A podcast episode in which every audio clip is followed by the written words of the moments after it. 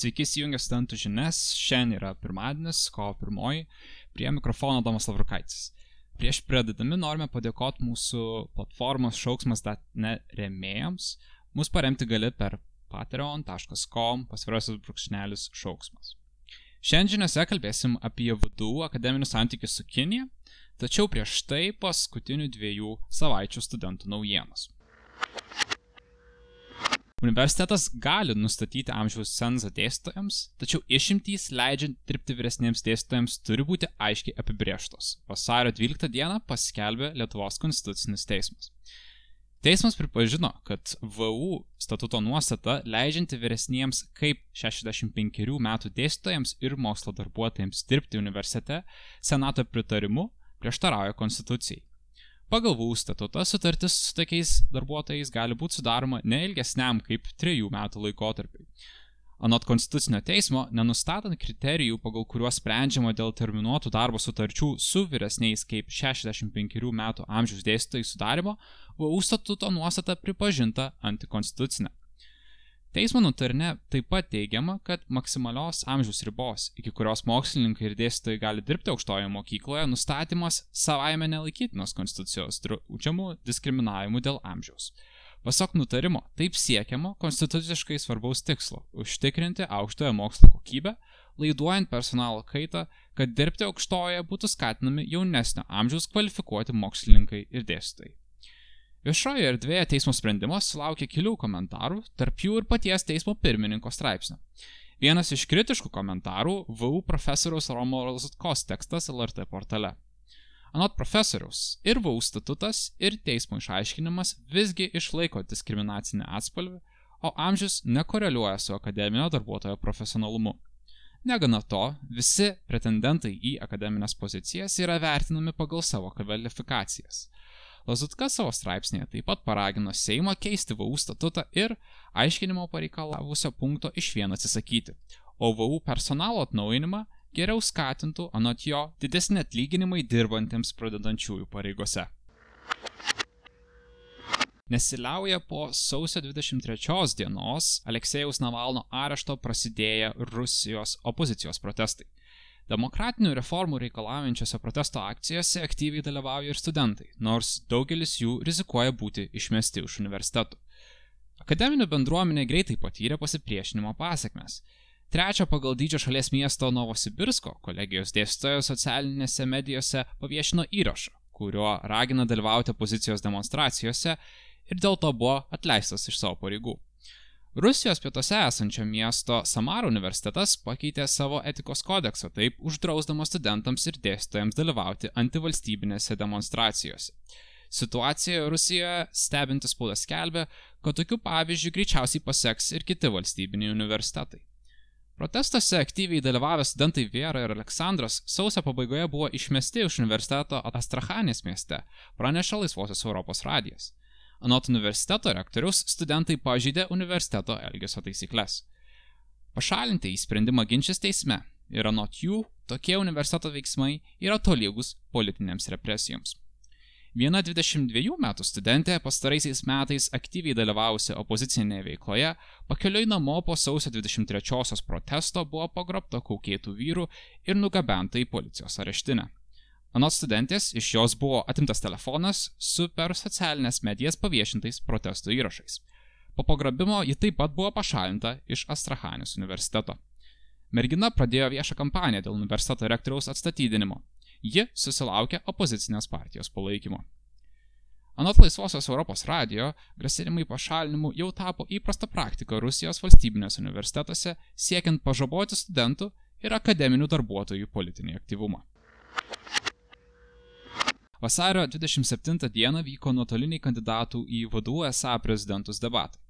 Norą užimti šią poziciją išreiškė du kandidatai - humanitarinių mokslų fakulteto doktorantas, Šauksmo frakcijos vadų studentų parlamento narys Žygimantas Menčiankovas ir tame pačiame fakultete studijuojanti bakalaurantė atstovybės socialinių reikalų komiteto koordinatorė Jeva Vengrovskoja. Savo veiklos gairėse Menčiankovas tęsė paskutinių vadovų studentų parlamento rinkimų šauksmininkų programos kryptis judėti aprūpintų studijų, demokratiškos ir savarankiškos studentų savivaldos bei aktyvios studentijos nacionalinėje politikoje link. Turime siekti studentams kuo geresnių materialinių sąlygų. Taip sukursime jiems palankę terpę studijuoti ir užsimti užklasinę veiklą. Turime reformuotą atstovybę, kad ji taptų skaidresnė ir atviresnė visiems. Kreipiamės į vadų studentus ir studentes, pabrėžė kandidatas. Tuo tarpu Vengrovskaja savo gairėse nubrėžė studijų kokybės, studentų atstovų, studentų mikroklimato, atstovybės organizacijos, atstovavimo nacionaliniu mastu ir tarptautiniu lygmeniu bei finansinio stabilumo kryptis. Kandidatuodama į šį postą supratau, kad per vienerius metus kardinaliai pagerinti studijų kokybę ar socialinę dimensiją yra neįmanoma, tačiau noriu įsiklausyti studentų lūkesčius ir bent mažais pokyčiais siekti palankesnės studijų aplinkos kiekvienam studentui, motivacinėme laiške dėstė kandidatė. Debatų metu abu kandidatai atsakinėjo į vienas kito moderatoriaus ir gyvai diskusiją stebinčio akademinės bendruomenės narių klausimus. Menčenkovas daugiausiai dėmesio sulaukė dėl nusekliai išdėstytos studentų savivaldos vizijos, įkvėptos Vokietijos modeliu ir paremtos studentų finansinė savitarvo pagalba. Vengrovskaja savo ruoštų pabrėžė atstovybės vidinės organizacijos klausimus, studentų kultūros ir socialinių ryšių plėtojimą. Debatų pasiklausyti gali įsijungęs VDU SA Facebook paskyroje talpinama transliacijos. VDU studentų parlamentas vienerių metų kadencijai naują SA prezidentą rinks kovo 12 dieną konferencijos metu. Toliau žodį perduodu savo kolegai Šauksmo frakcijos nariai VDU studentų parlamente Emilijai Starodubov. Jis apie akademinius santykius su Kinija kalbėjosi su VDU Rytų Azijos studijų centro vadovu Linu Didvaliu. Sveiki. Sveiki. 2020 spalį Junktinių tautų žmogaus teisų taryboje Lietuva prisidėjo prie valstybių, smerkiančių Kinijos režimą Sindzengė, Tibete ir Hongkongė. Naujai išrinkta Lietuvos vyriausybė pažadėjo aktyviai pasakyti prieš bet kokius žmogaus teisų pažydimus visame pasaulyje. Cituoju, nuo Baltarusijos iki Taivano. Tuo tarpu VDU sausio viduryje pranešė dėl naujos bendradarbiavimo starties su Nanjingo aeronautikos ir astronautikos universitetu Kinijoje. Taigi, Ar politiniai valstybės interesai netrukdo akademiniams? Tai žinoma, kad gali būti toks susikirtimas tarp politinių akademinių interesų ir na, mes, būdami akademijoje, turime visą laiką būti budrus ir sekti, ar nėra varžoma akademinė te, laisvė.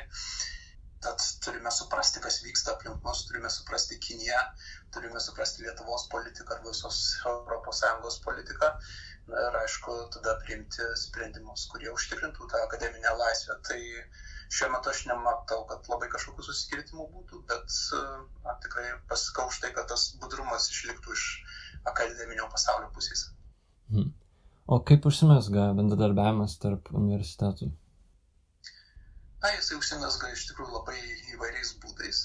Um, pirmas toksai labiausiai na, decentralizuotas yra, kada tyrėjai jie savo ryšius kuria asmeninių tyrimų tikslais ir tokiu būdu na, užsimesga ryšiai pirmiausia tarp atskirų universitetų tyrėjų, o tai gali išaukti į glaudesnį bendradarbiavimą, nes vykdomi bendri projektai ir panašiai. Ir kitas būdas tai yra labiau centralizuotas, kada universitetas labai sistemingai, na visų pirma, tarp, tarptautinių ryšių pradeda kontaktuoti ir kalbėti su kitų šalių universitetais ir tartis, kaip galėtų vykti bendradarbiavimas. Na, visų pirma, dažniausiai būna studentų mainai, tai yra toksai aktualiausias klausimas. O jeigu tai pavyksta, tai gali tai pavirsti kažkokį glaudesnį bendradarbiavimą, apsikeitimą dėstytojais arba kažkokių bendrų projektų vykdymą. Tad labai įvairiais būdais gali būti tie ryšiai užmesgami. O ar vadu turi bendrą politiką Kinijos atžvilgiu? kiek aš žinau, ne, tokios politikos bendros nėra, kadangi vyksta tie ryšiai, va, kaip sakiau, mesgasi labai įvairiais būdais, tai paliekama kiekvieno tyrėjo, dėstytojo na, sprendimui, kiek įsitraukti į bendradarbiavimą su Kinijos universitetais. Ir, na, žinau, kad yra nemažai tyriejų vadovų, kurie na, ne vienus metus jau dirba kartu su Kinijos mokslininkais srityje ir, ir socialinių mokslų srityje. Ir, ir na, nesu girdėjęs, kad universitetas nuleistų kažkokias iš viršaus taisyklės, e, kurios na, nubrėžtų kažkokias gairias. Yra, na, aišku, visi tie, kas dirba vadovų ar apskritai Lietuvoje akademikai, žino, kad e, Lietuvos saugumo ataskaita buvo išleista, kurioje patarta būti atsargiems ir, ir bandyti santykius su Kinija. Tad tas bendros, na, Lietuvos mastu galbūt tokios e, nuotaikos yra jaučiamos, bet kad vadovų kažkokias diktuotų sąlygas, to neteko bent man patirti arba girdėti iš kitų. Kai kurie vadų studentai nerimauja, jog glaudus santykiai su Kinijos universitetais gali varžyti mokslinę veiklą, nepalankę Kinijos politikai. Ar tam yra pagrindo? Bent kiek aš esu susidūręs, tai tikrai nėra kažkokio trukdymo šiuo metu dirbti su Kinijos klausimais ir netgi kritiškai pažiūrėti į Kiniją. Yra ne vienas studento darbas parašytas vadovų, kuris yra pakankamai kritiškai atsiliepia apie tai, kas vyksta Kinijoje arba apie Kinijos tarptautinius santykius. Yra kviestinių svečių dalyvavimų mūsų renktose konferencijose, kurie taip pat buvo labai kritiški apie tai, kas vyksta Tibete arba žmogaus teisų klausimais Hongkongė ar, ar kitur. Ir, na, niekada neteko patirti kažkokiu tokiu su, suvaržymų ar netgi, kad kažkokie būtų signalai duodami iš vienos ar kitos pusės, kad e, čia jūs jau peržengėte kažkokias linijas. Tikrai jaučiasi tokia akademinė laisvė ir na, tikrai, manau, vadovų aplinkoje galime mes pakankamai kritiškai gilintis į Kiniją, bandyti ją suprasti ir ją pakritikuoti vienu ar kitokiu klausimu. Tie tarptautiniai ryšiai, kurie mes gavome su Kinijos universitetais, na, nematau taip pat, kad tai e, vestų prie kažkokių pokyčių šioje srityje, nes, na, tie tam tikras ryšys su užsienio universitetu, dažniausiai jisai visų pirma, kaip minėjau, e, lemia tai, kad vyksta studentų mainai, o vėliau galbūt kažkokie bendros veiklos e, tarp akademikų gali vykti. Ir, na, paprastai ir likščiol taip pat nesusidūręs, kad užsienio universitetas, jeigu su juo sudaroma sutartis, pradėtų, na, diktuoti, ką kitas universitetas turi veikti arba kokius tyrimus daryti ar ką kalbėti apie, pavyzdžiui, šiuo atveju Kiniją. Tad, na, tikrai nematyčiau šiuo metu jokio pagrindo nerimauti, kad kažkokia akademinė laisvė gali būti suvaržyta dėl to, kad jie vadovų bendradarbiavo su Kinijos universitetais. Ačiū už pokalbį. Prašom. Šį kartą tiek. Ačiū, kad įsijungiai.